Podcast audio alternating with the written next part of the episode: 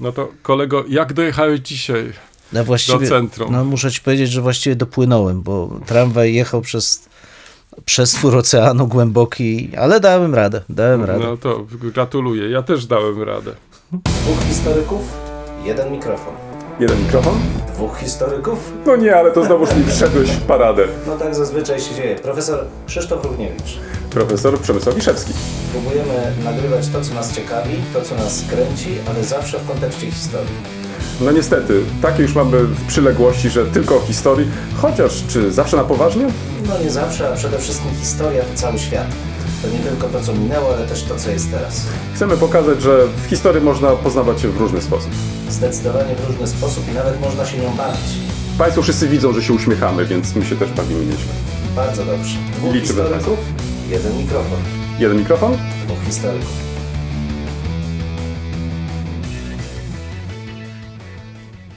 A ja z kolei jestem winien usprawiedliwienie, bo tydzień temu chciałem dojechać, ale nie dojechałem. Po prostu spadł śnieg i to tak duże, że przebić się przez te zaspy śnieżne spod Wrocławia do Wrocławia, do centrum, no praktycznie było niemożliwe. Do tego doszło jeszcze to, że droga była strasznie śliska i, i tempo to chyba było, jak sobie przypominam, 20. To, to, to wiesz, to, to szybciej byś szedł, ale chociaż też pewnie byś nie przeszedł. Bo, bo, bo byś cały czas się ślizgał. Bo, bo, kolega postąpił jak nowoczesny obywatel, zamiast jak historyk zaprząc psy do sań, tak, albo tak, jakieś tak. takie koniki sań, niskie, koniki, które się tak. przebijają dzielnie przez zaspy jak, jak, jak to, to, jest konik polski. No tak? na przykład konik koniki pol, takie futrzane bardziej. no właśnie, właśnie. a nie tam samochód. No niezależnie od tego, to wszystkich Państwa przepraszam, tak, bo to kolega tutaj wydzwaniał, był gotowy, to, to musielibyście Państwo zobaczyć po prostu tą, tą, tą liczbę tych SMS-ów, które mi powysyłał, ale wszystko z troską, wszystko z troską. Wszystko czy, z czy już tak, dojechałeś? Tak. Czy już granicę miasta przekroczyłeś? Tak, no ale niestety. Czy mam wysłać karetkę? Tak, nie, nie, ale nie, niestety, niestety. Także wszystkich Państwa przepraszam, to tym razem z mojej winy mm, do nagrania odcinka nie doszło, ale przy tej okazji e, chciałem sprawdzić, e, czy nie moglibyśmy nagrać na odległość e, naszego odcinka. I tak muszę powiedzieć, że tak, mimo że próbowaliśmy w ostatnich e, latach e, z mniejszym lub większym powodzeniem nagrywać na odległość, ja nie wiem jak ty, ale byłeś zadowolony z tej, z tej, z tej jakości? Znaczy z jakości, no oczywiście nie. Same nagrania były zawsze ciekawe, hmm. zwłaszcza te, które między Anglią a Polską realizowaliśmy. No, no tak, no inaczej ale, nie moglibyśmy tego tak, zrobić. Tak, ale, ale to jest jasne, że jednak jakość tego nagrania stacjonarnego jest zupełnie inna. Zupełnie inna. Raz, ale dwa, wiesz, że słyszę, że część z naszych koleżanek, kolegów nagrywa na przykład e, przez Zooma, czy hmm. przez Skype'a ja nie próbowałem nigdy nagrywać, mhm. więc e, nie wiem jaka jest jakość. Może powinniśmy choć raz spróbować jednego albo drugiego narzędzia, ale myślę, że tutaj mamy specjalistów e, wśród naszych słuchaczy, którzy nieraz e, nagrywali w ten sposób. E, i stali się specjalistami, to może oni podzielą się jakimiś e, wrażeniami. Jesteśmy gotowi przyjąć każdą radę. Tak, bo to wtedy, no nie, obiecuję, że w, jak będę stać w kolejnej zaspie następnym razem, to połączę się, e, no właśnie, czy internet będzie działać, to już jest inna sprawa. Ja kupię koledze konika polskiego, takiego małego, ze no szlajcha. Tak, no ale ty zakładasz, że te, będę musiał coś do tego konika podłączyć, no, Ze tak? szlajcha nie, to się po prostu stawia i on ciągnie. Aha. Aha. A ty nie wiesz, co to jest. To no, no więc właśnie wytłumacz, co, co to jest szlajch? To jest taka firma, zresztą niemiecka, która A. produkuje takie figurki zwierząt, bardzo realistyczne. Aha. Dzieci za tym szaleją. Aha. Mhm. I takie zwierzę zaczarowane położysz na masce i ono pociągnie. Tak, pociągnie tam, A nie, no, no, no, no, dobrze, no to skoro, skoro no, tak mówisz, tak to działa, dobrze. Tak dobrze. działa. No, ale to jest, to jest tylko takie małe zwierzątko. Ale ono ma wielką, magiczną moc. A to znaczy może się powiększyć? Może, oczywiście, że tak. O, I jeszcze do tego niemieckie. I niemieckie, a polskie. Popatrz, i, a mnie wszyscy zarzucają, że ja jestem taki proniemiecki. No, a to było niemieckie, a polskie. No? Aha, no dobrze, znaczy, no dobrze. Wszystko no by dobrze. się dobrze wyrównało. Okej, okay. dzwonimy. Kolego, ciekawostki. Tak, ciekawostkę dzisiaj mam taką, wynikającą z badań, które ostatnio jakoś prowadzę, a dotyczą one obecności. Tak zaznaczył, jakoś prowadzę. No jakoś, jakoś, bo to nigdy nie wiadomo jak. Ale w każdym razie dotyczą one między innymi relacji między społecznością żydowską a chrześcijańską, szeroko rozumianą na Śląsku. I W, w okresie średniowiecznym. Średniowiecznym, oczy tylko i wyłącznie, tylko i wyłącznie. Nie, nie, nie wychylam Myślałem, nosa. że kolega pisze kolejną monografię. Tak, nie, ja od nosa już nie czasów wychylam. najdawniejszych nie, nie, nie, nie, nie, nie, nie wychylam nosa, nie, nie. W każdym razie, proszę Państwa, rzecz działa się w Legnicy w mniej więcej w połowie XIV wieku, już nie, nie zabierając czasu w dokładną chronologią, lata 40. No ale w każdym razie było dwóch książąt, był Wacław i był Ludwik, którzy no, troszkę się ze sobą wadzili. Wacław starał się wygryźć młodszego Ludwika z dziedzictwa, Ludwik starał się do tego nie dopuścić. Niewiele mu to dało, w każdym razie zarządzał niewielkim księstwem w Lubinie, a Wacław dużym księstwem legnickim. Wacław jednakowoż, jak jego ojciec, czy ich ojciec, Bolesław, był znany z tego, że był niezmiernie skłonny korzystać z uciech życia i dzielić się tymi uciechami również z całym dworem, w rezultacie czego, jak to bywa, budżet szybko mu topniał.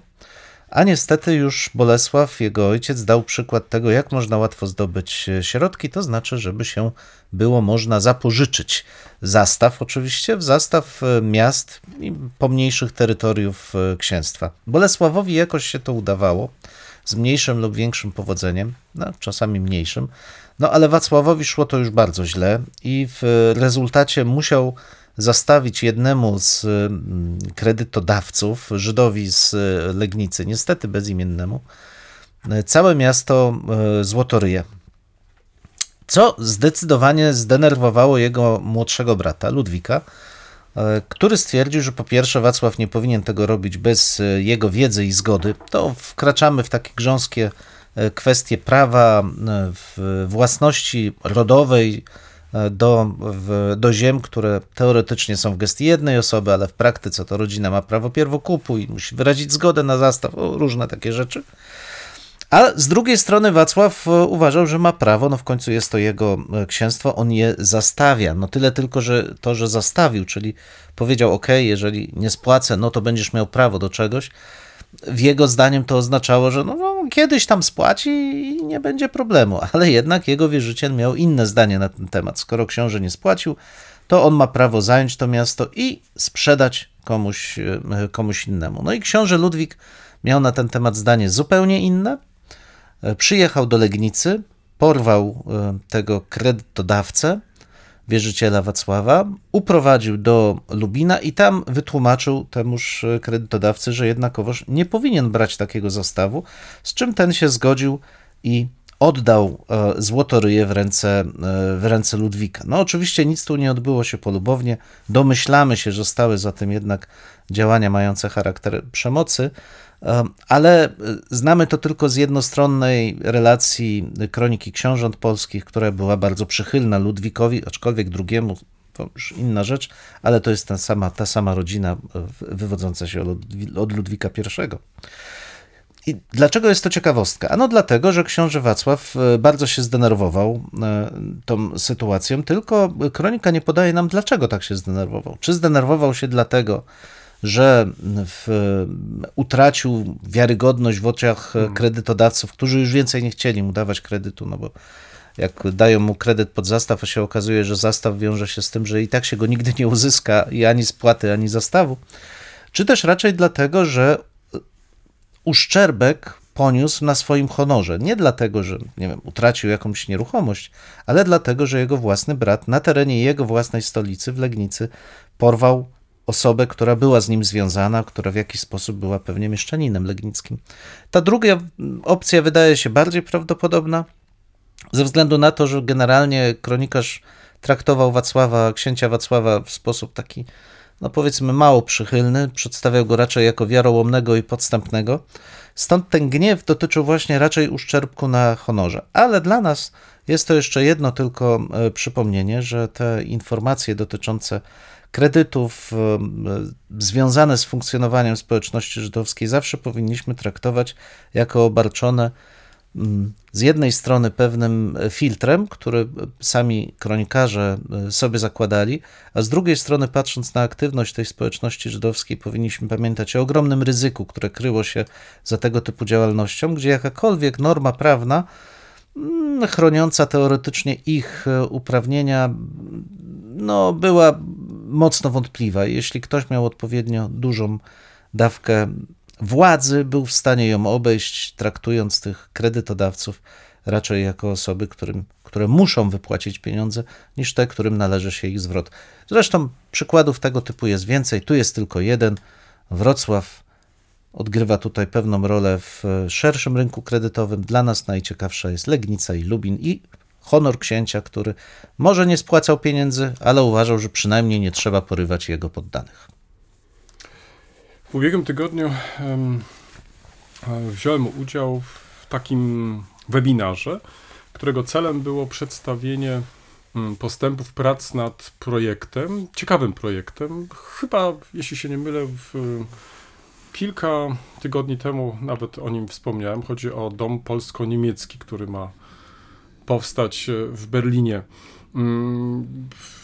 Zawiadowcy tego projektu, może takich określę, postanowili e, organizować e, co kilka miesięcy takie webinary, żeby informować o postępie prac i właśnie w takim webinarze wziąłem udział. Mm, nie ocenię tego projektu, ponieważ zbyt mało jeszcze wiem, natomiast z dużym zainteresowaniem przysłuchiwałem się w tym, tym prezentacjom. Tak już na marginesie dodam, że, że w, w, udało się organizatorom w, w, ciągu godziny wszystko zrobić. To znaczy, i to e, było taka duży, to była taka duża dawka tej, tej, tej wiedzy, że muszę ci powiedzieć, byłem faktycznie bardzo zadowolony. To znaczy, nie było zbędnych jakichś tam takich rozważań, jakichś komentarzy i tak dalej, tylko faktycznie mm, e, próba takiego krótkiego i sprawnego przedstawienia tych najważniejszych rzeczy. I mm, rzecz, która zwróciła moją szczególną uwagę, ponieważ była tam mowa o przyszłej wystawie, która mm, ma być takim centrum tego, tego projektu, gdzie II wojna światowa ma odgrywać znaczącą rolę, to zacząłem się zastanawiać, i z tym związana jest trochę też i ta moja ciekawostka, e, jak potraktować te obszary, które weszły w skład państwa niemieckiego po 1939 roku? I czy nadal to będzie traktowane przez autorów jako okupacja Polski? To znaczy, czy mm, tą okupację Polski ograniczy się tylko do na przykład generalnego gubernatorstwa, czy też także mm, uwzględni się generalnie ziemie polskie, które znalazły się pod e, okupacją polską. I mi się wydaje, że to w, w, nie tylko w, tak e, wbrew pozorom e, nie jest to temat jakiś taki oczywisty, bo tutaj się za, zaczyna pojawiać szereg innych e, problemów, na przykład jak potraktować na przykład robotników przymusowych, jak potraktować więźniów obozów koncentracyjnych, którzy, no przecież nie tylko um, byli w, w, więzieni w obozach koncentracyjnych na terenie Polski, niemieckich, od razu zaznaczę, niemieckich obozach koncentracyjnych na terenie Polski, tylko także w, w Rzeszy. I teraz czy to jest też ta część, e, którą na przykład, czy którą się będzie zajmować e, ten projekt, czy też nie? Na jednym przykładzie chcę to zilustrować, bo wydaje mi się, że e, jest to taki dylemat mm, czy problem, nad którym warto się zastanowić. Otóż na początku września, mm, wprawdzie te mm, aresztowania w terror, szykany miały już miejsce przed wybuchem II wojny światowej wobec mniejszości polskiej w, w Niemczech, ale nasiliły się faktycznie po wybuchu II wojny światowej. I na początku września, 16, jak sobie dobrze przypominam, deportowano do Dachau pierwszych 17 e, przedstawicieli mniejszości polskiej. Tydzień później było to już ponad 50. Tak więc e, można powiedzieć, że z różnych e, obszarów, e, które zajmowała armia niemiecka, w, albo wcześniej następowały aresztowania, albo po prostu te aresztowania kontynuowano po wybuchu II wojny światowej. Ponieważ w historii tego obozu jest taki okres kilku miesięcy, kiedy ten obóz pod koniec września został zamknięty. Mm, zamieniono go na e, taki obóz e, treningowy dla, dla przyszłej, e, dla jednej z dywizji SS. Więźniów wszystkich wywieziono. Z, z obozu pozostało tylko około 100 tych więźniów czyli tam z grupy kilku tysięcy zostało 100 więźniów, którzy w, opiekowali się całym tym terenem i tak dalej. Dopiero w lutym mm, ten obóz ponownie wznowił pracę i zaczęto ściągać z tych różnych obozów, z Flossenbürga, czy, czy z Mauthausen, czy też z Buchenwaldu, tych więźniów, których we wrześniu wywieziono. Nie wszyscy wrócili, część zginęła, część nie nadawała się w ogóle do transportu. No i teraz, e, e, w chwili, kiedy e, badasz ten, ten problem, to tak, w literaturze mm, nie znajdziesz informacji, w, mm, jakie to były osoby. To znaczy, z imienia i nazwiska nie jesteśmy w stanie dzisiaj powiedzieć na przykład, o kogo chodziło. Na przykład w tej grupie, zarówno tej pierwszej, czyli tych 17, czy też tej drugiej, ponad 50. I teraz nie jestem w stanie też odpowiedzieć na pytanie, czy na przykład przedstawiciele mniejszości polskiej, czy też, czyli te osoby z mniejszości polskiej, czy one wróciły później do Dachau, czy też po prostu nie. Mm, co chcę tym samym powiedzieć, że mm, to nie dlatego, że na przykład zaniedbano badania w Polsce na ten temat, ale takich badań nie ma też w Niemczech. I teraz w chwili, kiedy mm, zastanawiamy się nad tym, tym przyszłym domem polsko-niemieckim i szansami, które stoją przed tym domem, to mnie się wydaje, że to właśnie uwrażliwienie też naszych sąsiadów niemieckich, także i na losy na przykład takich grup. Byłyby tutaj ważne, bo przecież e, są to ważne osoby, które były e, szykanowane, które były objęte terrorem, które często e, w, w, w aresztowano, e, prześladowano, ostatecznie zamykano w obozach koncentracyjnych. Jaki jest? Jaka jest wiedza w ogóle na ten temat? Mnie się wydaje, że to jest jakiś taki dyzyderat, który oczywiście kierujemy do nas w pierwszej kolejności, czyli do historyków, ale z drugiej strony też do osób, które zajmują się popularyzacją tej wiedzy, żeby pokazać, jak złożo ze złożonym problemem mamy do czynienia w przypadku w polityki okupacyjnej Niemiec wobec Polski, e, czy też Polaków, lub też obywateli polskich, jeżeli tak chcielibyśmy to określić. Więc z dużym zainteresowaniem, wracając e, może e, do tego wątku webinaru, obejrzałem sobie tą rozmowę, wysłuchałem. Zadałem chyba jedno czy dwa pytania, bo taka możliwość istniała w, pisząc.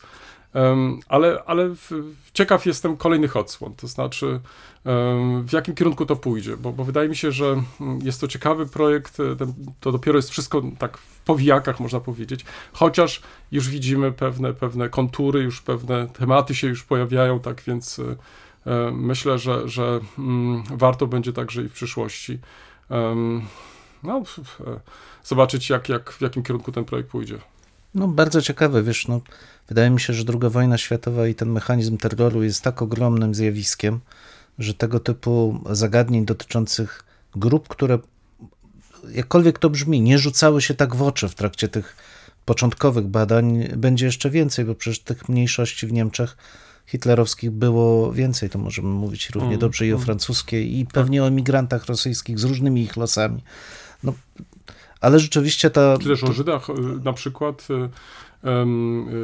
y, obywateli mm. polskich. Pochodzenia żydowskiego. Tak, na przykład mm. pochodzenia mm. żydowskiego i, i, ich losach na przykład. Historia jak zawsze nie pozwala nam odpoczywać. To nie tylko to, tylko wiesz, e, chodzi też o to, na ile my jesteśmy uwrażliwieni na takie czy inne tak. tematy, to znaczy na ile postrzegamy albo dostrzegamy te tematy. Mhm. Poza tym e, nie ukrywam, że być może jednym z powodów, e, dla którego nie zajęto się tym problemem, to być może jest zła podstawa źródłowa. No i tutaj być może tu nie będziemy mogli zbyt wiele. Chociaż chcę to sprawdzić jeszcze w mhm. Arozen, y, tam faktycznie te teczki osobowe znajdują się. Może, ja wiem, że to jest żmudna praca, bo to mhm. najpierw musiałbyś znać nazwiska, więc tak. może jeszcze sprawdzę te y, listy transportowe, może tutaj tak, uda dokładnie. się coś zrobić, ale sam wiesz, że czasami takie listy transportowe były E, w przypadku niektórych nazwisk niepoprawnie zapisane, no i, mhm. i to, to, czasami także i ten kłopot jest, że, tak. że ktoś pomylił imię, ktoś pomylił nazwisko i później dojść do tego, wiesz, o kogo chodzi, tak, ale to już, to już no. mniejsza z tym, no, ale to można spróbować. Czyli od list transportowych, później by trzeba było faktycznie y, sprawdzić jeszcze w Arolzen, jakie były dalsze losy mhm. tych właśnie osób. Um, no, jest to na pewno ciekawy projekt. Nie wiem, czy na jedną osobę pewnie by w, mhm. można było stworzyć mały zespół tak. badawczy, który tą sprawą by się zajął. No, w każdym razie nie przypominam sobie pracy, która by tego dotyczyła, natomiast te znane mi E, są bardzo oględne, to znaczy one tylko stwierdzają, że były takie i takie represje wobec mniejszości mhm. polskiej po wybuchu II wojny mhm. światowej.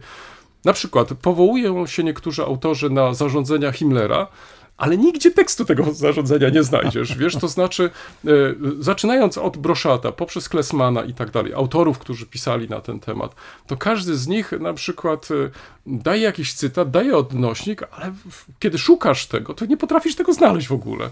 No więc. E, albo to były jakieś takie zarządzenia w które przeszły bez echa. Z drugiej jednak strony dotyczyły one jednak mniejszości polskiej. Wydawało mi się, że co jak co, ale, ale tego typu dokumenty jednak powinny, powinny być znane. No ale może się uda na jakimś tam kolejnym etapie E, poszukiwań znaleźć także i ten e, dokument z początku września. Ale Państwo widzą, ile emocji daje badanie historii. E, tak, ponieważ mamy coraz więcej. Wiesz to, ja nie wiem, z pewnością też masz to, to podobne takie wrażenie, że im dłużej zajmuje się takim czy innym tematem, to, to się tyle nowych pytań, że, że nie jesteś w stanie, wiesz, na nie odpowiedzieć i mnie irytuje to, no, upłynęło tyle lat, słuchaj, no można było tyle rzeczy zrobić, wiesz, a, a ja mam wrażenie, że, że stąpam trochę taki po takim, wiesz, y, mm, dziewiczym terenie, wiesz, to znaczy, że, że, że wyszarpuję coś, znajduję, wiesz, staram się, no ale mm, no, teraz e, w, w, pisząc na taki czy inny temat, no, zaznaczam, że, że to jest temat na późniejsze badania, bo ja nie jestem w stanie tego zrobić w ogóle. I to mówi Jeżeli kolega, chcę pójść do przodu, wiesz, no. I to mówi kolega zajmujący się XX wiekiem, to co ja miałbym powiedzieć? Lektury, kolego. Tak, lektury. Proszę Państwa, ja dzisiaj jedna książka, jeden film. E, książka będąca współautorstwa m.in. naszego kolegi Andrzeja Wypustka oraz Pawła Sawińskiego Homoseksualność i homoerotyzm w świecie starożytnym. Wydawnictwo Zacne Homini, czyli wydawnictwo e, ojców opatów e, z benedyktynów z klasztoru. W Tyńcu książka wydana w 2023 roku. Wiem, że przede wszystkim nie powinienem zajmować się starożytnością, no bo nie, Dlaczego? nie jestem starożytnikiem. To, to, to bliżej tobie nie, jest to, tak to jest... w górę niż w dół. No. no. teraz, o widzisz, to jest to samo tak. uczucie, które ja mam, jak rozmawiam o wcześniejszych epokach. No, no. tak, tak, absolutnie tak, czyli, rozumiem cię Czyli lepiej patrzeć z góry tak. na dół niż no, odwrotnie. właśnie, tutaj człowiek się zaczyna A, gubić. Tak, bo możesz mieć ten zarzut, że zadzierasz nosa. O, tutaj to w ogóle mam zawrót głowy. Ale proszę państwa, książka bardzo ciekawa z jednej strony dlatego, że nie jest absolutnie książką skandalizującą, choć ten temat wydawałoby się aż, aż no, pobudza wszystkich tych, którzy chcą chwycić za pióro i w miesiąc czasu napisać taką książkę. Ale e, książka jest opracowana e, o bardzo szeroką kwerendę e, w literaturze przedmiotu. Dotyka także spraw źródłoznawczych, korzysta ze źródeł literackich, ale nie tylko. Między innymi wykorzystuje także inskrypcje, źródła archeologiczne.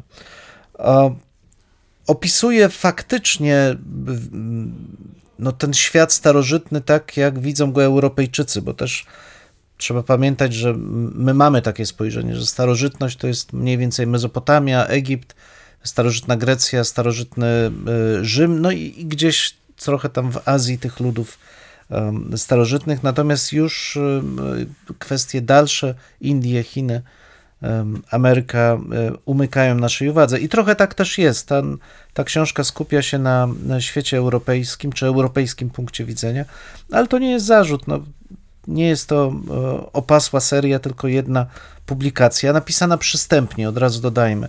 Przystępnie, ciekawie, świetnym językiem, nie w, zagłębiająca się zbyt mocno w dyskusje takie już bardzo ezoteryczne, historiograficzne, natomiast nie unikająca też pokazywania w taki bardzo przystępny sposób kontrowersji, jakie są w literaturze historycznej. Ale wracając do głównego tematu, urzekła mnie ta książka przede wszystkim tym, że stara się w, bardzo wyraźnie w takim nurcie antropologizującym E, pokazać specyfikę epoki, to znaczy nie koncentrować się absolutnie na kwestiach mm, takich anegdotycznych, a skupić się na zjawisku jako takim i pokazać odrębność tego zjawiska, zwłaszcza w starożytnej Grecji i szczególnie Rzymie, bo książka ta mimo tego szerokiego oddechu skupia się jednak na Rzymie, w części także na, na, na Grecji, na, staro, na tych dwóch kulturach, z którymi współczesna kultura europejska jest najsilniej związana.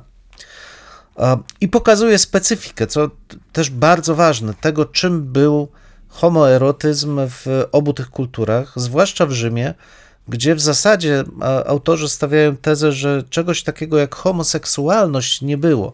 Nie w tym sensie, że nie było homoerotyzmu, to, czy, czy nie było tych relacji emocjonalnych między tą przedstawicielami tej samej płci, a zwłaszcza seksualnych, natomiast nie miały one charakteru zjawiska mm, osobnego.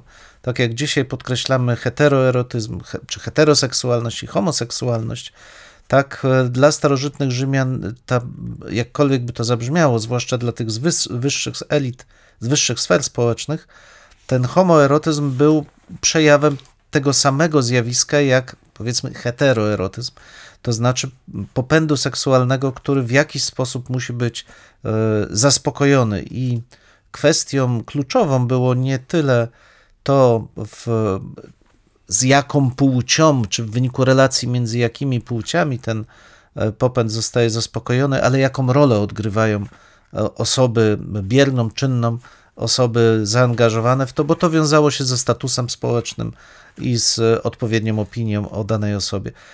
Bardzo e, intrygujące, interesujące spojrzenie właśnie pod tym kątem, pokazujące zupełną odrębność dwóch kultur i zmianę, jakie wprowadza chrześcijaństwo do tego funkcjonowania kulturowego, społecznego człowieka jako no, gatunku mającego określone biologiczne e, potrzeby i określone związane z tym biologiczne konsekwencje zachowań e, erotycznych.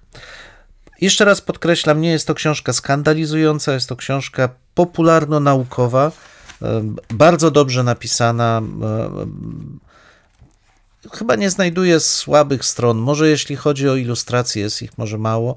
Może w większym stopniu jest e, skupiona na literaturze niż na źródłach, ale to absolutnie nie przeszkadza. Jeszcze raz, Paweł Sawiński, Andrzej Wypustek, homoseksualność i homoerotyzm w świecie starożytnym dla wszystkich tych, którzy są ciekawi, jak funkcjonują kultury inne niż ta, której, e, w której żyjemy i której spadkobiercami w jakiś sposób e, jesteśmy.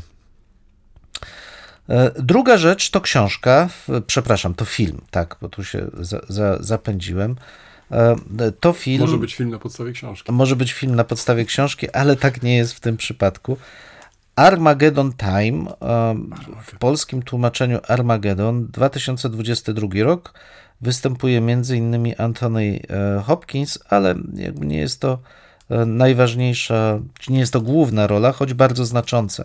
Tutaj główną rolę e, gra e, Banks e, Ripita, młody chłopiec odgrywający rolę dziecka, wychowywanego w rodzinie żydowskiej, zamieszkującego w dzielnicy Queens. Mamy lata 60., 80., przepraszam, 80.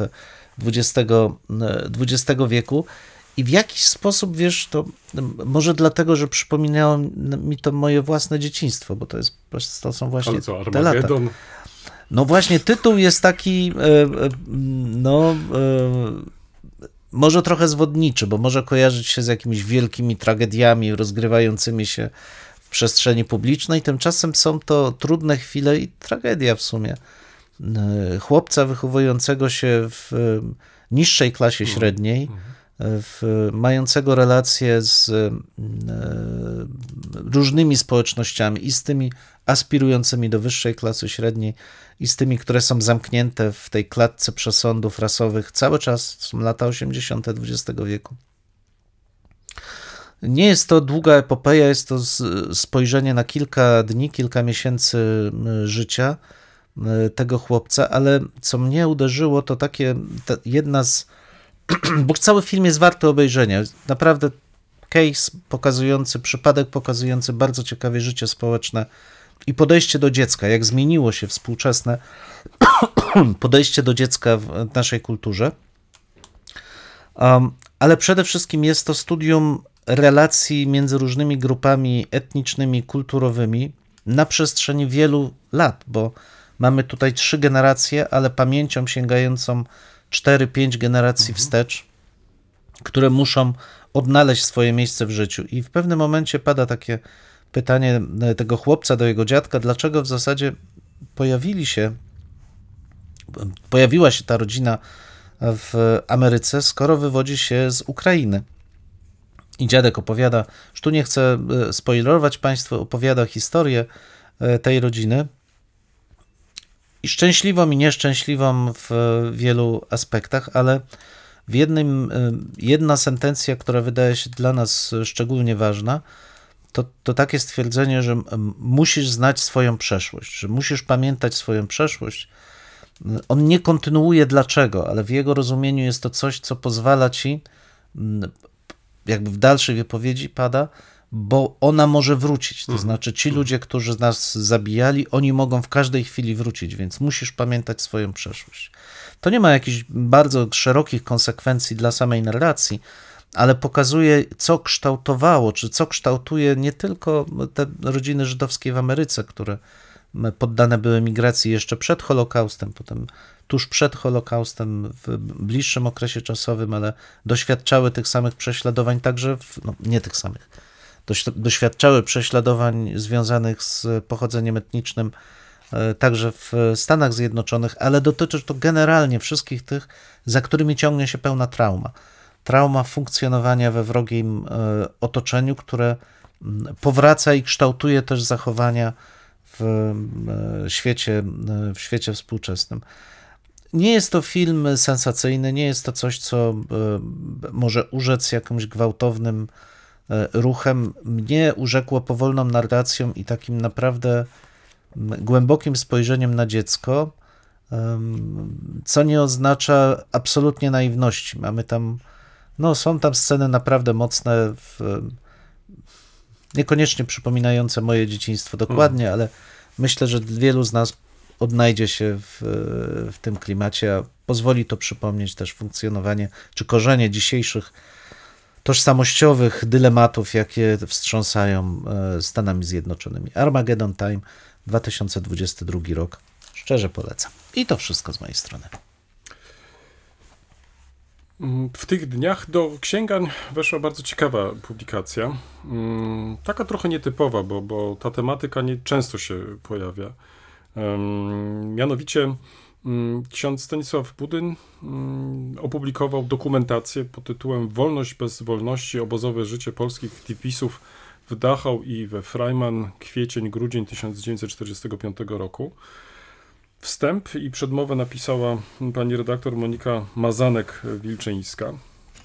Mm, pozwól może, że dwa, trzy zdania o samym autorze, bo e, ksiądz Budyń był, był, jest byłym e, rektorem Polskiej Misji Katolickiej w Niemczech, ale to byłoby zbyt mało, gdybyś, gdybym tylko na tym poprzestał, ponieważ przez wiele dziesiątków lat e, udało mu się zgromadzić ogromne archiwum w Hanowerze różnego rodzaju poloników. Skoncentrował się w, przede wszystkim na okresie po II wojnie światowej i no, kto e, zna ten zbiór, to wie, że to jest jeden z podstawowych zbiorów dotyczących losów Polaków po 1945 roku. I bardzo się cieszę, że e, ksiądz Budyn, który w przeszłości publikował e, różne materiały dotyczące dziejów misji katolickiej w Niemczech, tym razem postanowił Mm, udostępnić e, część e, swych zbiorów w postaci książkowej, ponieważ e, tak się składa, że mm, w internecie możemy w różnych bibliotekach cyfrowych znaleźć pojedyncze gazetki, które wtedy publikowano bezpośrednio po II wojnie światowej, ale nie mieliśmy dotąd możliwości sięgnięcia po jakiś większy wybór. I tutaj faktycznie Taki, takie zadanie sobie postawił ksiądz Budyń, to znaczy koncentrując się na jednym e, terenie, na Dachau i na Monachium, e, to był bardzo prężny ośrodek, tylko przypomnę, Tadeusz Borowski, ale Gustaw Morcinek, więc wielu znanych pisarzy, e, którzy przeszli, w cudzysłowie, przeszli przez ten obóz, przez pewien moment, pozostali jeszcze w, czy w Dachau, czy w w tym obozie, obozie przejściowym w, we Freimanie Podmar w Monachium. No i pisali, po prostu pisali i publikowali w tych e, gazetkach, które właściwie pojawiały się w, bardzo szybko, bo w, i zresztą co ciekawe, w tytuły, słowo polskie, więc y, można wręcz powiedzieć, to taka była chęć y, też y, jakiegoś takiego szybkiego nawiązania kontaktu z, z, z Polską, który przecież przez te kilka lat odmawiano. I to takie zachłyśnięcie się też wolnością widać na łamach tych pism, które wtedy się pojawiały, i też dylematy, przed którymi stali Polacy, wracać czy nie wracać.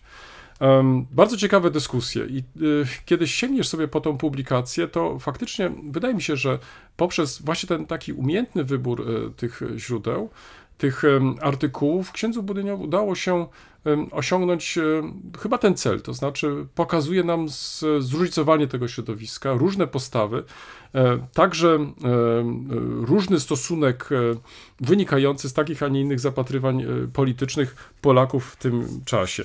Tak jak wspomniałem, wstęp i przedmowę napisała pani redaktor Monika Mazanek-Wilczyńska. Do opisu naszego odcinka dam jeden z mm, e, filmów, który stworzyła pani e, redaktor. Mm, właśnie poświęcony losom e, tym powojennym Polakom, po, polskim dypisom. Myślę, że nawet po latach warto ten film sobie odświeżyć, bo jest taką bardzo fajną, wydaje mi się, ilustracją też do tej książki. I tutaj mm, to wprowadzenie mm, jest kompetentne. W, w, tutaj autorka e, porusza te, te, główne kwestie związane z e, funkcjonowaniem e, polskiej społeczności w pierwszych miesiącach po II wojnie światowej. Tak więc przedstawia nam tutaj historię obozów dla tej społeczności, później wprowadza nam podziały, jakie też istniały, ale naturalnie też ustosunkowuje się tutaj do e, tej e, właśnie dokumentacji, którą przygotował ksiądz Budyń. Ta dokumentacja również została podzielona tematycznie, tak więc mamy tutaj część, która dotyczy Dachau, później tego właśnie obozu przejściowego we Freimanie.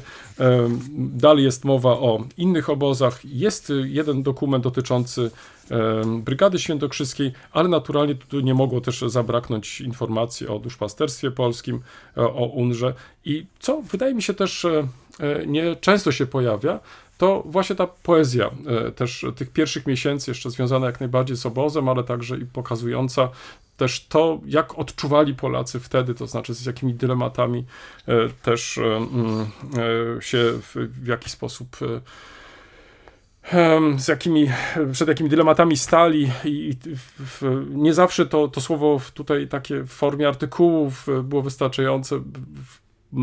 Wiersz wydawałoby się był taką lepszą e, formą wypowiedzi. Tutaj faktycznie e, w tym wyborze znajdziesz e, wiele ciekawych wierszy, które pokazują nam taką ja bym może użył tutaj określenia, takie, tak, taką migawkę, takie zdjęcie, to znaczy w, na podstawie tych wierszy faktycznie możesz e, poznać to, jak wtedy mm, czuli ci Polacy, jak postrzegali świat, jak widzieli e, swoich niedawnych e, prześladowców, oprawców i tak dalej, jaki mieli stosunek też do obecnych mieszkańców, znaczy im ówczesnych mieszkańców, e, e, czy też e, przedstawicieli innych narodowości. Więc książkę tą polecam. Mm, jeszcze raz ksiądz Stanisław Budyn, Wolność bez wolności, obozowe życie polskich dipisów w Dachau i we Freiman, kwiecień, grudzień 1945 z przedmową i wstępem Moniki Mazanek-Wilczyńskiej. Książkę wydał, wydało wydawnictwo, czy mm, dom wydawniczy e, Księży e, Młyn.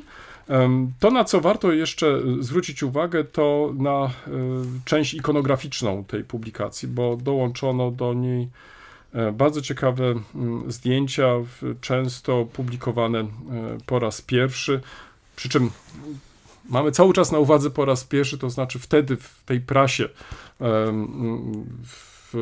ukazały się te zdjęcia, ale nie były dalej jakoś kolportowane i tutaj w tej publikacji udało się faktycznie zebrać. To byłaby pierwsza publikacja, na którą chciałbym zwrócić Państwa uwagę. Druga to od czasu do czasu zwracamy też na kolejne numery uwagę czasopisma polsko-niemieckiego Dialog, magazynu polsko-niemieckiego Dialog. Ten Myślę, że okładka może cię w, zainteresować. Wiem czy ja, wiem czy ja. Tak, wiemy czy ja. W każdym razie y, ten, to wydanie jest poświęcone generalnie wyborom y, w Polsce w ubiegłym roku. E, I taka pierwsza próba podsumowania zarówno e, tego minionego okresu, ale także i wyzwań przed E, którymi mm, Polska e, stoi, a także i relacje polsko-niemieckie. Tak więc ten zeszytek, zresztą jak każdy z nich, przepięknie wydany, e, z kapitalnymi autorami, mm, składa się z kilku części. Pierwsza część jest poświęcona, tak jak wspomniałem, wyborom i sytuacji powyborczej. Druga część jest poświęcona mm, kulturze żydowskiej, a trzecia literaturze. Tutaj e, w, może jeden cytat, e, który e, sobie mm, zaznaczyłem w, w artykule Dietmara Nitana, pełnomocnika rządu niemieckiego do spraw relacji polsko-niemieckich, który zatytułował w sposób znaczący ten artykuł, mianowicie już tylko niech e, znajdę polską wersję. O. E, historyczna lekcja z Polski, zwróć uwagę, historyczna lekcja z Polski, czyli wnioski dla niemieckiej polityki. tak więc mm, jest to też e, taki, w, w, można powiedzieć, albo takie e, trochę lustrzane odbicie e, i takie trochę też myślenie w kategoriach, e, że zobaczcie, E, że mm, to, co się stało w Polsce, jest także i dla nas ważne. I teraz na co dzień widzimy te demonstracje e, w Niemczech, więc to tak trochę można powiedzieć świetnie się wpisuje w ten taki może pewien trend, który się pojawił. Nie chcę powiedzieć, że w Polsce on został zapoczątkowany, ale faktycznie on był bardzo widoczny w naszym kraju. Takiej niezgody właśnie na, na w, próby zawłaszczania tej takiej naszej codzienności przez mhm. różne ugrupowania polityczne. E, różne, różnych polityków, e, ale także i w relacjach międzypaństwowych. To jest e, po prostu tutaj bardzo ważne i, istotne i dlatego też nie dziwię się, że w którymś momencie Nitan w swoim artykule stwierdza coś takiego, że również w kontekście nadwyrężonych od lat relacji polsko-niemieckich, tutaj używa tego określenia nadwyrężonych, to jest cytat, należy te wybory postrzegać, czyli te wybory w Polsce, E, jako cezurę, e, którą Niemcy i Polacy, mam nadzieję, wspólnie wykorzystają jako ich reset. Tak więc e, tutaj jest mowa o resecie, to możemy oczywiście się zastanawiać, czy um, warto jest resetować cokolwiek, bo ja z kolei jestem zdania, że może zamiast resetować, to powinniśmy raczej wyciągać wnioski z tego, co tak się wydarzyło i zastanowić, do czego możemy nawiązać, bo przecież w końcu nie, chcę bardzo delikatnie powiedzieć, może tak, żeby też nie być źle zrozumianym, e, że może są jakieś elementy, e, które możemy przejąć, które możemy dalej kontynuować. Przecież nie wszystko trzeba od razu e, uznać, że nadaje się do kosza. Nie zmienia to postaci rzeczy, że reset nie zawsze jest tutaj dobrym wyjściem. No, mhm. niezależnie od tego, wydaje mi się, że ten artykuł, ale także i pozostałe artykuły zachęcają do tego, żeby nie tylko z autorami podyskutować, ale też, żeby zastanowić się nad tym, jak chociażby w kontekście teraz relacji polsko-niemieckich, jak te relacje w przyszłości mogą wyglądać. No i może ostatnia rzecz, e, to podcast e, w naszych e, zaprzyjaźnionych w, w, podcasterów. Podcasterów, tak, podcasterix i podjęli oni, ale nie w ostatnim, bo tego nie jeszcze odsłuchałem odcinka, ale odsłuchałem odcinek właśnie stojąc wtedy w zaspie, dotyczący mm, moralności w, na lekcjach mhm. szkolnych. Nie wiem, czy czy miałeś okazję w, tak. posłuchać, ale e, kiedy słuchałem to tak... I moralizatorstwa. I moralizatorstwa, tak. tak, tak. E, I, I, tak przypomniał mi się jeden z polityków, który to ostatnio tak z tym palcem nam tak groził trochę i tak dalej. I tak się zastanawiałem e, właśnie, jak tutaj nasi koledzy rozmawiali w, w, w między sobą, to tak się zastanawiałem, jak to jest w tej szkole, ale jak to też jest u nas na, na studiach, czy też mamy takie zadania, e, ja bym powiedział, takie moralizatorskie, albo czasami może wpadamy w taki moralizatorski ton. I tutaj ja się zgodzę, że, że, że tego powinniśmy jednak unikać, co wcale nie oznacza, i na przykład tutaj taki wątek, który z kolei mnie zainteresował, no, czy jednak trochę te, tego nie upraszczamy, to znaczy, czy jednak mówienie o pewnych wartościach, e, też pokazywanie, że te wartości są dla nas ważne, e, zwłaszcza też jak dzisiaj, kiedy, tak jak mówiłem wcześniej, że, że z pewnymi e, postawami się nie, nie zgadzamy, że, że jesteśmy takim postawom przeciwni, no to to już jest po części też wyrażenie e, naszego, naszego, naszego zdania. I e, niekoniecznie musi to być e, wyrażone werbalnie, to może być też przez naszą postawę. I na przykład, tak mi się wydaje, no niekoniecznie musiałbym stać z tym palcem takim podniesionym w ogóle, no, ale, ale, ale reagując po prostu na różne rzeczy, wiesz, w takich czy innych sytuacjach. I mnie się wydaje, że taka taka reakcja chyba jest bardziej w, w, do zaakceptowania niż właśnie może nawet i pewien rozdźwięk, który czasami mhm. jest, kiedy mówię jedno, a robię co innego. Wiesz, to, to jest też różnica między moralizatorstwem a pokazywaniem moralności, bo jeżeli spojrzymy na, na nasz zawód, i tak samo jest zresztą z zawodem mm. nauczyciela, to ma on określone wymagania etyczne i chociażby pokazywanie, zwłaszcza w naszym przypadku, już nie wnikam w kwestie nau nauczycielskie, ale w naszym przypadku pokazywanie tych elementów etyki historyka, no jest opowiedzeniem się za określonymi wartościami. I tak, tutaj tak. nawet z tego powodu to te, te, kwestie moralności się e, pojawiają. No już nie wspomnę o tych delikatnych wydarzeniach, okresach, to zwłaszcza w Twoim przypadku w historii najnowszej jest niezwykle istotne, gdzie ta wiarygodność, wierność prawdzie jest takim no, elementem, który uważam, że nasi studenci mogliby od nas przejąć, gdybyśmy my wszyscy rzeczywiście dochowywali tego. Wiesz, ale z drugiej strony ja, ja, też się nad tym zastanawiam, bo my możemy mieć różne podejścia, możemy mhm. mieć różne sposoby widzenia takich czy innych tak rzeczy. Jest. Ja w tej wielości tutaj z tym nie mam żadnego problemu. Ja myślę, że bardziej mhm. na to bym e, stawiał nacisk, to znaczy e, róbmy swoje, pokazujmy jak my to widzimy. E, no ale bądźmy konsekwentni w tym naszym mhm. działaniu, bo mnie się wydaje, że to jest chyba tutaj kluczowe. Ale absolutnie, to, tu nie ma jakby rozdźwięku między nami, bo właśnie sęk w tym, że historia czy nauka pokazuje, że otwartość i wielość jest wartością, ale znowu mhm. pod warunkiem, że trzymamy się tej, tego podstawowego założenia, czyli dążenia do prawdy. Dzwonimy. Tak, y, dzisiaj dzwonimy, proszę Państwa, tak trochę Państwo widzą, że patataj, y, idziemy szybko do przodu, ale to tak, wynika z innych czeka wielka dyskusja z studentami. Tak, tak, tak, no zajęcia nie, mają swoje wymogi, koniec semestru. Ale w, dzisiaj chcieliśmy poruszyć taki temat y, niełatwy, mianowicie czy z konfliktu może wynikać coś dobrego. No bo nie ma co ukrywać, obserwujemy, że ten konflikt także na tle historycznych interpretacji w naszym kraju wcale nie przygasa. Chciałoby się powiedzieć, że po zakończeniu tej burzy wyborczej e, te tematy i historyczne, i, i współczesne gdzieś raczej będą zmierzać ku konstruktywnym rozwiązaniom bardziej niż konfliktom. Dzieje się inaczej. No i ja tak zastanawiałem się przez chwilę, czy rzeczywiście, czy, czy można coś dobrego z takich konfliktowych e, sytuacji wyciągnąć, bo nie ulega wątpliwości, że konflikt sam w sobie niczym dobrym nie jest. To ja w ogóle nie mhm, zamierzam mhm. nic oryginalnego powiedzieć, ale z drugiej strony, patrząc na te konflikty, które ja przez pryzmat swoich badań obserwuję, właśnie etniczne, czy między poszczególnymi grupami w średniowieczu i we wczesnym okresie nowożytnym, no, no to widać wyraźnie, że one zawsze dążą jednak do przywrócenia pewnego mm, pewnej równowagi. To znaczy, nie jest tak, że społeczność jest w stanie żyć w takim napięciu i konflikcie przez bardzo długi czas. Czasami ten konflikt zmierza nawet ku bardzo gwałtownym rozwiązaniom. E, mhm. To mogą być nawet pogromy, to mogą być wystąpienia bardzo negatywne. Czy wojny czy wojny. Natomiast ich konsekwencją jest ułożenie sobie na nowo relacji.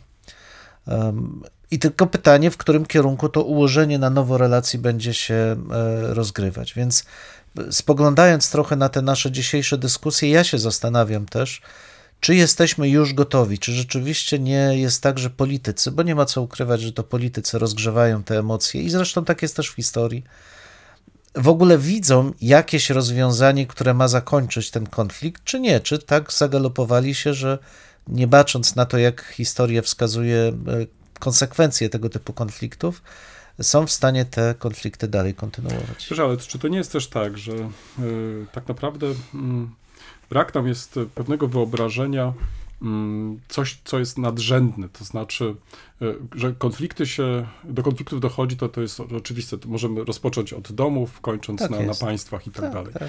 Ale mm, w chwili, kiedy mamy przed oczyma pewien cel, do którego dążymy, to być może łatwiej jest wtedy takie sytuacje konfliktowe rozwiązywać, ponieważ z tej perspektywy, niejako tej takiej mm. nadrzędnej, taki konflikt jawi nam się jako coś naturalnego, coś, co powoduje nam poprzez polaryzację być może dostrzec, takie czy inne elementy, których mhm. dotychczas nie dostrzegaliśmy. Mhm. Pytanie natomiast jest, czy my mamy taki nadrzędny cel? I tutaj mam duże obawy. To znaczy, mhm. czy faktycznie istnieje jakiś konsensus, nawet w, w rodzinach, w społeczeństwach, w narodach, mhm. czy też w państwach, jak e, właściwie my powinniśmy funkcjonować. Zobacz, jednym z takich dużych projektów to była jest nadal idea zjednoczonej Europy, czyli mamy coś nadrzędnego, a doskonale mhm. wiemy, że między poszczególnymi państwami w ramach tej wspólnoty przecież dochodzi do różnych mhm. sytuacji konfliktowych. Jedni strajkują, inni tam blokują tak. i tak dalej, i tak dalej. No ale jest ten element, wydaje mi się, przynajmniej w tym projekcie dotąd był taki, który nas powstrzymywał przed no, przekroczeniem pewnej, pewnej granicy, bo e, wszyscy sobie zdawaliśmy sprawę, że przekroczenie tej granicy będzie powodowało, że no, ta, ta, trudno będzie powrócić do sytuacji mhm. tej pokojowej. Mhm. Tu myślę przede wszystkim o wojnie i skutkach e, mhm. wojen dla Europy i jakie wnioski zaczęli Europejczycy po II wojnie światowej wyciągać właśnie z tej sytuacji e, wojennej. I Wspomniałeś tutaj o politykach i o roli polityków. To, to, kolejne jest pytanie, czy oni po prostu faktycznie mają na uwadze to dobro wspólne, czy też swój prywatny interes, który po prostu chcą zrealizować za mhm. wszelką cenę. No, ja mam tutaj duże wątpliwości, ale tutaj się pojawia kolejna grupa, chyba przynajmniej mi się wydaje, która nas powinna interesować. Jak my reagujemy na takie sytuacje? Mhm. Bo jeżeli nawet dochodzi do sytuacji konfliktowych między politykami, Dlaczego my nie możemy reagować mhm. w sposób e, bardziej może stanowczy i pokazywać, nawet na zasadzie takiego lustra, patrzcie, do czego ta, ta, ta wasza polityka może prowadzić. E, tutaj brakuje mi też, mhm. E, wiesz, takiego włączenia się aktywnego nas jako tych, którzy mogą być tymi, którzy do tych sytuacji konfliktowych mogą wprowadzić jakieś takie elementy deask deas, deeskalujące. Mhm. Wiesz, to jakby dwie, e, dwie rzeczy są, bo to pytanie o, o ten wspólny mianownik, ja widzę go bardzo wyraźnie w, w wielu tych społecznościach. Tym wspólnym mianownikiem jest po prostu spokojne życie. Takie, mm, które mm. zapewnia bezpieczeństwo i gwarantuje e, pewien komfort. Na różnych szczeblach, w różnych epokach mm. się to rozgrywa, ale to jest tak naprawdę walka ta podstawowa. To, zresztą możemy piramidę Masłowa sobie tutaj spokojnie wziąć. No i, i patrząc na to, co e, łączyło w wspólną Europę, no, no, to nie unikniemy tego. No przecież podstawą tej jedności europejskiej była gospodarka. To z tego wyewoluowały, czy to powodowało, że dało się przyjąć koncept polityczny, ale jednak gospodarka, czyli to zapewnienie, że będzie nam lepiej, będzie nam spokojniej, bezpieczniej, ale też i bogaciej, było tym punktem, e, tym punktem wyjścia. Natomiast rzeczywiście jest e,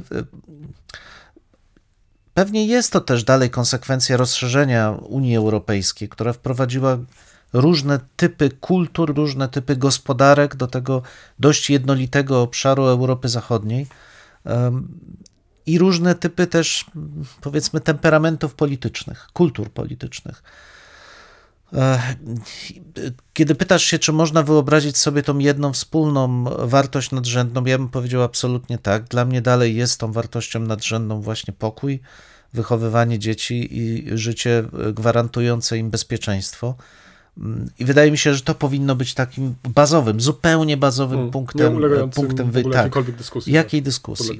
I ja też mam wrażenie, że nasi politycy chyba się zapomnieli. To znaczy, jakby nie zdają sobie sprawy, że ten świat to, to nie jest to, to polskie podwórko, gdzie e, oni odgrywają rolę, nie wiem, stróżów, e, aniołów z alternatyw i wyznaczają jakieś role w zupełnym oderwaniu od rzeczywistości, która dzieje się gdzieś tam obok, nie odgrywa, bo tu jest nasz bloczek, tu będziemy rozstawiać, kto Tak. gdzie będzie mieszkał, kto będzie zmywał podłogi, jak to nie. Ty, tymczasem sytuacja geopolityczna jest dość brutalna. Europa jest bardzo słaba i, i robi wszystko, żeby nadgonić ten okres, którym zawierzyła Stanom Zjednoczonym, że będzie ich bronić i że w ogóle nie będzie żadnych zagrożeń. A te zagrożenia to nie tylko Rosja, żeby to było jasne, to mamy też cały czas kryzys migracyjny, mamy cały czas wracający kryzys, no niestety klimatyczny, który będzie potęgował kryzys migracyjny. I Europa nie jest w sytuacji, w której może powiedzieć: świetnie, to my teraz nic nie róbmy, kłóćmy się, bo to jest zdrowe. Natomiast y, kiedy pytasz się o rolę nas y, jako historyków i masz absolutnie rację, to ja nie jestem aż takim pesymistą, bo w ostatnim czasie nawet ukazały się dwa artykuły Węcowskiego Marka w mm, Polityce, jak dobrze pamiętam, taki y, list, pseudolist z dalekiej przyszłości o case'ie, jakim były specyfika polityki, ku- Mhm, kultury politycznej w odległym kraju, w Europie. On pisze to z perspektywy y, do, dość odległej przyszłości. Bardzo interesujący eksperyment. Z drugiej strony też Andrzeja Leszczyńskiego ostatnio ukazał się test, tekst też dotyczący y, specyfiki polskiej kultury politycznej, konsekwencji tej polskiej kultury politycznej i Wiesz, ja myślę, że tych wypowiedzi można by znaleźć więcej, ba, gdyby ktoś się chciał zapytać, to byłoby ich jeszcze, e, ich jeszcze e, więcej. My lubimy gadać, ale problemem jest raczej to, że, że ja mam wrażenie, że, ten, że politycy zaszli już tak daleko w swoich emocjach, w swoich oczekiwaniach, w swoich. em, nawet, nie, nie, że, że gdzieś tracą poczucie dobra wspólnego i że to dobro wspólne w, jednak powinno ich hamować i spływać także na ich niektóre wypowiedzi publiczne dotyczące przeciwników. Ale zobacz, e, bo to zgoda. Ja myślę, że tutaj można byłoby też się zastanowić, kto tak naprawdę wybiera tych polityków. No, No, jeżeli mówimy o oczywiście. tutaj o e, jednak praktykujących demokracjach parlamentarnych i tak dalej. Więc to, to jesteśmy my i to, to trochę też jest taka, e, to jest taki też wycinek takiego innego poli- polityka, jak jest postrzegane społeczeństwo, czy też jak postrzega społeczeństwo takie czy inne problemy i takich mamy też w końcu w polityku, bo takich też wybieramy. Ale e, mówiąc tutaj też o tym, że może za mało ak- aktywnie uczestniczymy, też tak się złożyło, że w ostatnich tygodniach e, częściej zaglądałem do jednego z e, mediów społecznościowych i muszę ci powiedzieć, że mm, w- z przerażeniem no, stwierdziłem, że nieważne, ile byś tych artykułów napisał, ile byś tych Tak książek jest, napisał, Tak jest. to i tak osoby, które mm, zabierają głos, a, a koniecznie muszą zabrać ten głos, to abstrahując od tego, że robią to anonimowo, nadal anonimowo, to oprócz tego wybierają tylko takie rzeczy, które często ograniczają się do tytułów prasowych, natomiast nie da- zadają sobie już tego trudu, żeby e, przemyśleć, przeczytać, zastanowić się i zanim się cokolwiek napisze, to przynajmniej po prostu e, sformułować e, to czy tamto. I myślę, że tutaj mamy też kolejny problem, że z jednej strony mamy naturalnie mądre artykuły, często bardzo obszerne, y, błyskotliwe eseje i tak dalej, i tak czy nawet całe książki, które powstają na taki czy inny temat, związany właśnie z zagrożeniami, z którymi jesteśmy konfrontowani. Ale kto to czyta? Jeżeli później na przykład, y, mm, jeżeli te media społecznościowe mają być takim papierkiem lakmusowym, to się okazuje, że tak naprawdę niewiele te osoby zrozumiały z tych właśnie, ja nie mówię tych, którzy pi- które piszą, tylko po prostu te, które czytają, e, z tego, co tak naprawdę chcieliśmy przekazać. I muszę ci powiedzieć, że em, nie wiem, czy, czy to nie jest też pewien problem, z którym będziemy coraz częściej konfrontowani. To znaczy, em, ta nasza wypowiedź, taka dłuższa, w, czy w postaci eseju, czy też książki, em, oczywiście to będziemy dalej robić, ale być może powinniśmy w przyszłości mm, lepiej wcześniej niż później, e, także zwrócić uwagę i na inne formy e, docierania, po to tylko, żeby studzić te emocje, o których ty, o których ty teraz mówisz, e, żeby wprowadzić, i to jest też twój postulat, który wielokrotnie powtarzasz, pewną racjonalność do dyskusji, to znaczy, żebyśmy nie przekrzykiwali się, tylko po prostu, żebyśmy się zastanawiali, dlaczego ktoś tak na przykład uważa. Ale jeżeli już uważa, no to może coś się za tym kryje, może jakaś wiedza, może jakieś doświadczenie, wiesz, a nie na zasadzie takiej, to dokopmy mu, albo po prostu jakiegoś bota wrzucimy, który będzie w, w, w, tylko nastawiony na to, żeby cię obrażać. Wiesz, no, no i naturalnie w którymś momencie już rezygnujesz z tego, no bo po co ci to, y, czy akurat nie masz nic innego do roboty. Z drugiej strony y, czasami no, chciałbyś pewne swoje na przykład e, sformułowania skonfrontować, no ale to jest, nie jest cały to czas przestrzeń. pytanie, czy to jest. No tak, Tak. ale jakie my mamy przestrzenie słuchać do dyskusji? To jest moje pytanie. O, no też, widzisz, no to to jest Kolejne. dobre pytanie. Znaczy, to jest, to jest dobre pytanie. Ja tak już, bo niestety czas nam się kończy. Ja bym powiedział, że może z jednej strony bym wprowadził y, zakaz korzystania z Twittera przez, uży- przez polityków. X, X. Tak, z X czy, czy w ogóle z platform społecznościowych, niech oni czytają coś innego i, i podniecają się, przepraszam, mentalnie Albo czymś innym. niż- jeden dzień bez Twittera dla polityków. Więcej, ja bym powiedział jed, jeden rok co najmniej. Ale w, e, już mówiąc poważnie, to jest też specyfika dyskusji, która została wygenerowana przez media społecznościowe. I tu trzeba sobie jasno powiedzieć, że to już nie jest tylko narzędzie, ale to jest też miejsce, które kreuje pewną kulturę. Tak jak zmieniło kulturę pojawienie się radia, telewizji, mass mediów, masowej, e, masowego dziennikarstwa, tak też niestety media społecznościowe ją zmieniły i to jest coś, nad czym naprawdę trzeba się głęboko zastanowić, czy to jest to kierunek, w którym powinniśmy y, zmierzać. Konflikt nie jest niczym złym, jeszcze raz to podkreślmy, w tym sensie, że daje możliwość zobaczenia swoich racji, zobaczenia racji przeciwnika, ale konflikt, jeżeli ma do czegoś doprowadzić, musi kończyć się jakimś wspólnym porozumieniem. W tym miejscu stawiamy kropkę, lub też jak to woli, kropkę nad i. No, mamy nadzieję, że to nie jest koniec, że to jest początek Waszych dyskusji. Mam nadzieję, że Was zaciekawiliśmy. Prosimy o komentowanie naszych zmagań z historią. Poniżej zdjęcia jest wystarczająco dużo miejsca. I pamiętajcie, nie regulujcie odbiorników. No, my naprawdę tak brzmimy. E, tak, chociaż być może czasami e, może trzeba ściszyć. No może czasami ten nasz rechot by się przydało wyciąć nawet. Dwóch historyków, Jeden mikrofon, jeden mikrofon. dwóch historyków. Dziękujemy. Dziękuję.